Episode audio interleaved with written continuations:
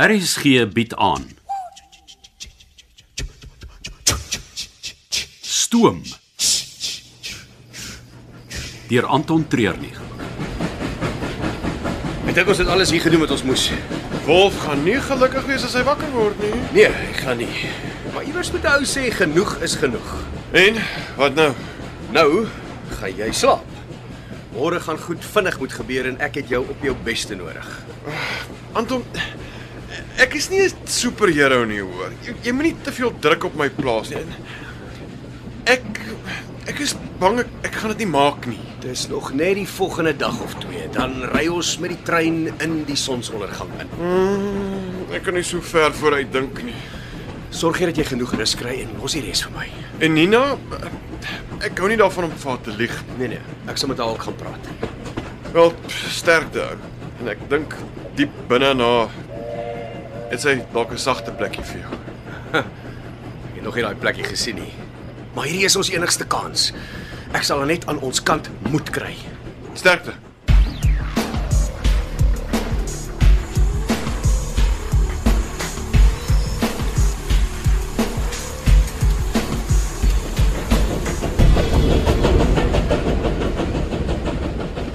Ek kom maak net seker jy is nog wakker. Anton. Nie verwag om jou te sien nie. Ek weet ja, jy het wil verwag. Wel jy sien die ding is Jy hoef nie te verduidelik nie. Ek neem aan die man het iets wat hy teen jou hou. Ah, dis nie regtig teen my nie. Wel wat dit ook al is, ek verstaan. Kyk hoe lank het hulle die toutjies in my getrek. Maar jy moet verstaan. Wat môre moet gebeur beïnvloed baie meer lewens as net ons eie. Ek ek kan jou nie help. Kry ons net teen môreoggend 9uur in Maputo. Daarna moet jy net uit die pad uit bly. Dit gaan moeilik wees. Ek moet stadiger ry om diesel te bespaar. en Ek kan nie te vinnig oor die spore in die middel van die nag nie. Probeer net jou bes.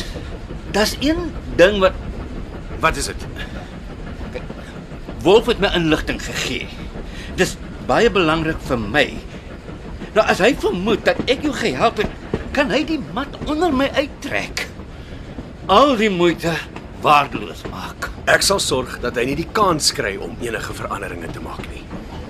Dankie. Waarheen gaan jy? Daar's nog 'n uh, moeiliker gesprek as die een wat op my wag.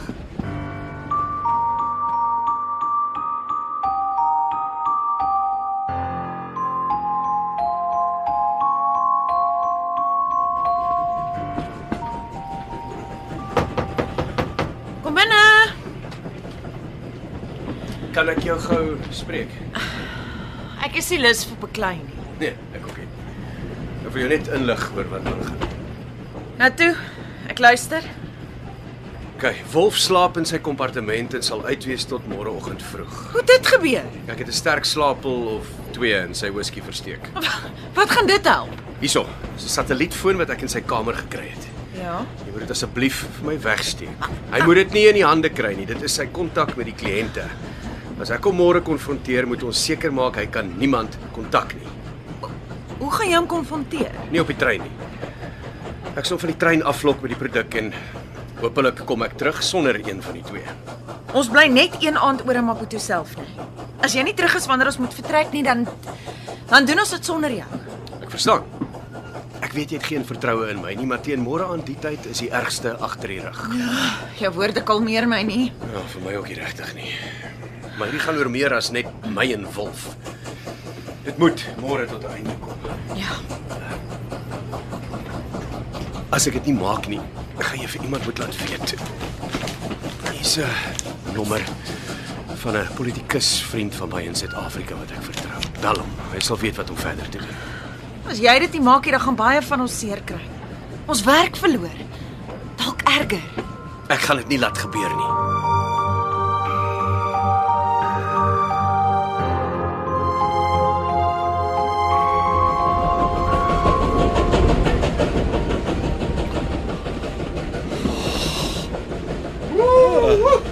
As jy jou mond enigstens groter oopmaak, gaan jou neus insluk. En hierdie was 'n nagmerrie van 'n skof. Maar ons het dit gemaak. Ons behoort oor 'n uur in Maputo in te ry.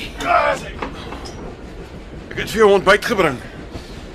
Ek weet jy het dit nog nooit uit my eh, mond gehoor nie, maar uh, die gedagte aan kos maak my nou net maar. Wat ek nodig het, is slaap. Nou, soos jy gesê het, oor 'n uur is ons in Maputo en dan kan jy die heel dag slaap. Ek wens daar's 'n manier dat ek 'n oog sal kan toemaak voor die ding van Anton en Wolf tot 'n einde gekom het nee. nie. Hierso, hierso is jou koffie. Da. Luister, ehm um, Anton het gesê ek moet jou kom waarsku. Nou, jy gaan nou vir Wolf wakker maak en ehm um, jy mag dalk een van sy eerste stoppe wees. Wel, eerder vroeër as later. Dankie, Roo.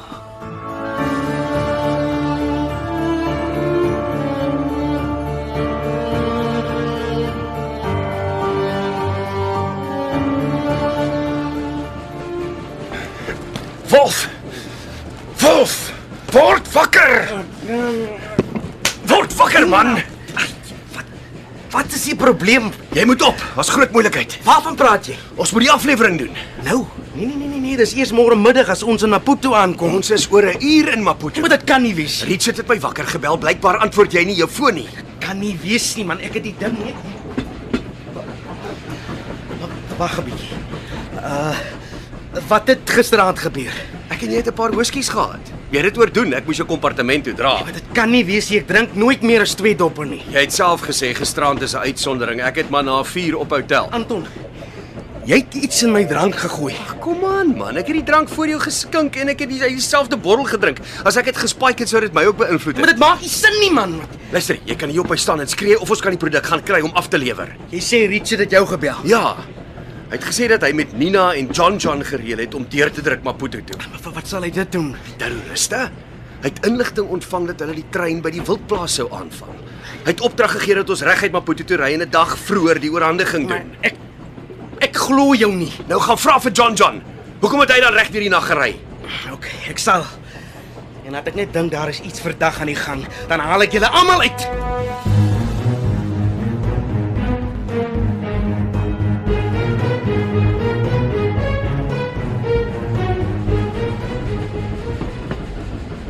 Wat is hier aan die gang? Ek weet ons ry bietjie stadig. Maar soos jy kan sien, is ons al aan die buitewyke van Maputo. Ja, maar vir wat? Hoekom het jy nie by die skedule gehou nie? Omdat ek van bo af bevel gekry het om deur te druk. Glo my, ek wou dit nie doen nie soos soos ek nou hier sit, voel ek soos soos dood wat opgewarm is. Van wie bo af? Nina se oom. Hy is die eienaar van die trein en sy woord is wet. Het jy persoonlik met hom gepraat? Ja. Die man het nie baie ingenome uit die besluit geklink nie, maar was baie duidelik dat ek dit moet uitvoer. Julle twee sake uitgesorteer. En Anton wou nie hê ek moes dit doen nie. Om die waarheid te sê, hy was die enigste een wat teen die besluit was. Was dit waar? Jy geluk is nodig nie. Vir wat ons planne omver gooi. Maar hier is ons nou. Nou goed. Kom. Daar's baie om te doen. Ek kan nie. Moet nog die trein bestuur. Ek praat nie met jou nie. Anton, kom.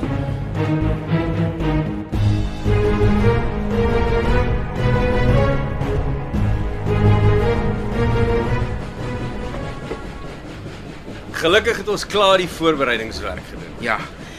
Nou terwyl ek die produk oordra van die staaltasse na die trommel, moet jy die wapens vir my nagaan. Veer. Doen dit net. Nou goed. Ons elkeen het 'n pistool met twee ekstra 6 patroon magasyne. Dan is daar 3 pypbomme en 4 Molotov cocktails. Waar is jou foon? Ek het hom hier by my. Nou gee vir my laat ek vir Richard bel. Nee nee nee, hy het gesê ons moet van die luggolwe afbly tot net voor die oordrag. Ek wil hom nou bel. Relax.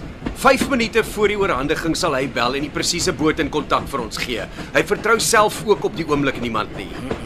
Hier is ietsie lekker nie. Ek sê jou wat. Hou jy my pistool? Dan antwoord jy die foon as hy bel en as jy nog steeds voel iets is nie pleisie, dan kan jy my met my eie pistool skiet. Vir wat is jy nou skielik so ingenome met die hele besigheid? Ek is nog steeds nie. Maar as ons vandag die pakkie klaar afgelewer het, is ek 'n multimiljonair. Geld dryf jou nie. Man, Richard het my vanoggend weer met my dogter se lewe gedreig. Die res van die wêreld kan na hulle self kyk. Familie is vir my die belangrikste. En ek is nie een of ander superheld nie. Ja, gaan wag vir my buite die deur dat ek die oordrag kan doen en die trommel ordentlik sluit.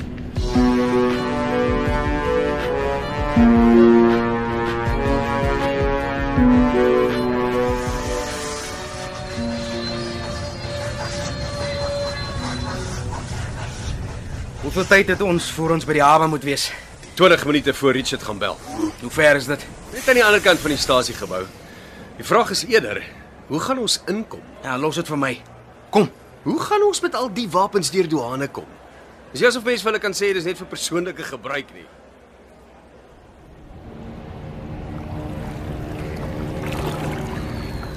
Ek het nie geweet jy kan Portugees praat nie. En daai sak dollars het hulle dadelik blind gemaak. Tot die hond het aan die ander kant toe gekyk. Hoeveel tyd? Minder as 'n minuut. Richard het gesê dit sal een van die groter vissersbote wees. Ja, alles hier regs af. Stap jy vir my voor.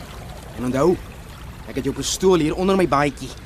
Jy wil nie met jou eie wapen geskiet word nie. Vat dit net rustig. As jy my hier skiet, gaan almal weet iets is verkeerd. Jy is die een met die sak vol wapens. Ek sou net sê ek het myself verdedig. Toe, stap. Ons het al een keer voorheen saamgewerk. Wat? Dit was in Angola. Ek was daar saam met kolonel Richard Minnie. Ons moes die oliepypleiding oppas. Daar was 'n groep wat daar 'n bom probeer plant het. Ons het op hulle afgekom en een gevang. Die kolonel wou weet of die res weer so iets gaan probeer en hoeveel daarvan hulle is. Toe word jy ingevlieg, Nou ja, ek onthou dit.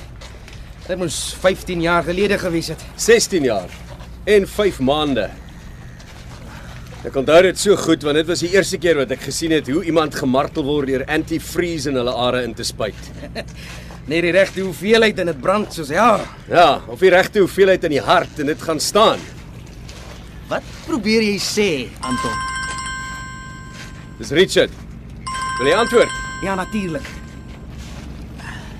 Hallo? Sy het beter verdien. Wat? Delia het beter verdien. Wat gaan hier aan, Anton? Probeer jy my vir 'n ride vat? Ek het jou bottel antifreeze en die ekstra naalde agter die kluis gekry. Hey, hey, hey. Bly weg van my met daai naald. Ek skiet jou vol gate. Jy regtig gedink ek sal vir jou my pistool gelaai gee? Wag, Anton, ons kan. Ah, Moenie worry nie. Dis nie genoeg om jou dood te maak nie. Net die hel uit jou uit te brand. sien jy daai twee ouens? Dis ou pelle van my. Hulle het 'n plaas hier iewers in die bos. Jy gaan 'n ruk lank daar by hulle kuier. Hulle gaan jou 'n paar vrae vra. En ek sien jou aanraai om hulle die antwoorde te gee wat hulle wil hê. Ek sal die koffer met die plutonium hou. Anton, wag. Jy gaan nie hiermee wegkom nie. Die kolonel sal jou kry. Maak nie saak waar jy is nie.